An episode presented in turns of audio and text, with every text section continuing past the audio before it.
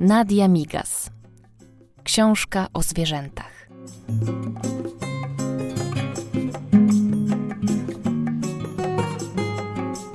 W akwarium pokłóciły się ryby o to, kto ma ładniejsze wzory na ciele.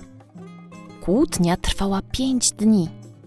Aż w końcu się pogodziły i uznały, że wszystkie ryby są piękne.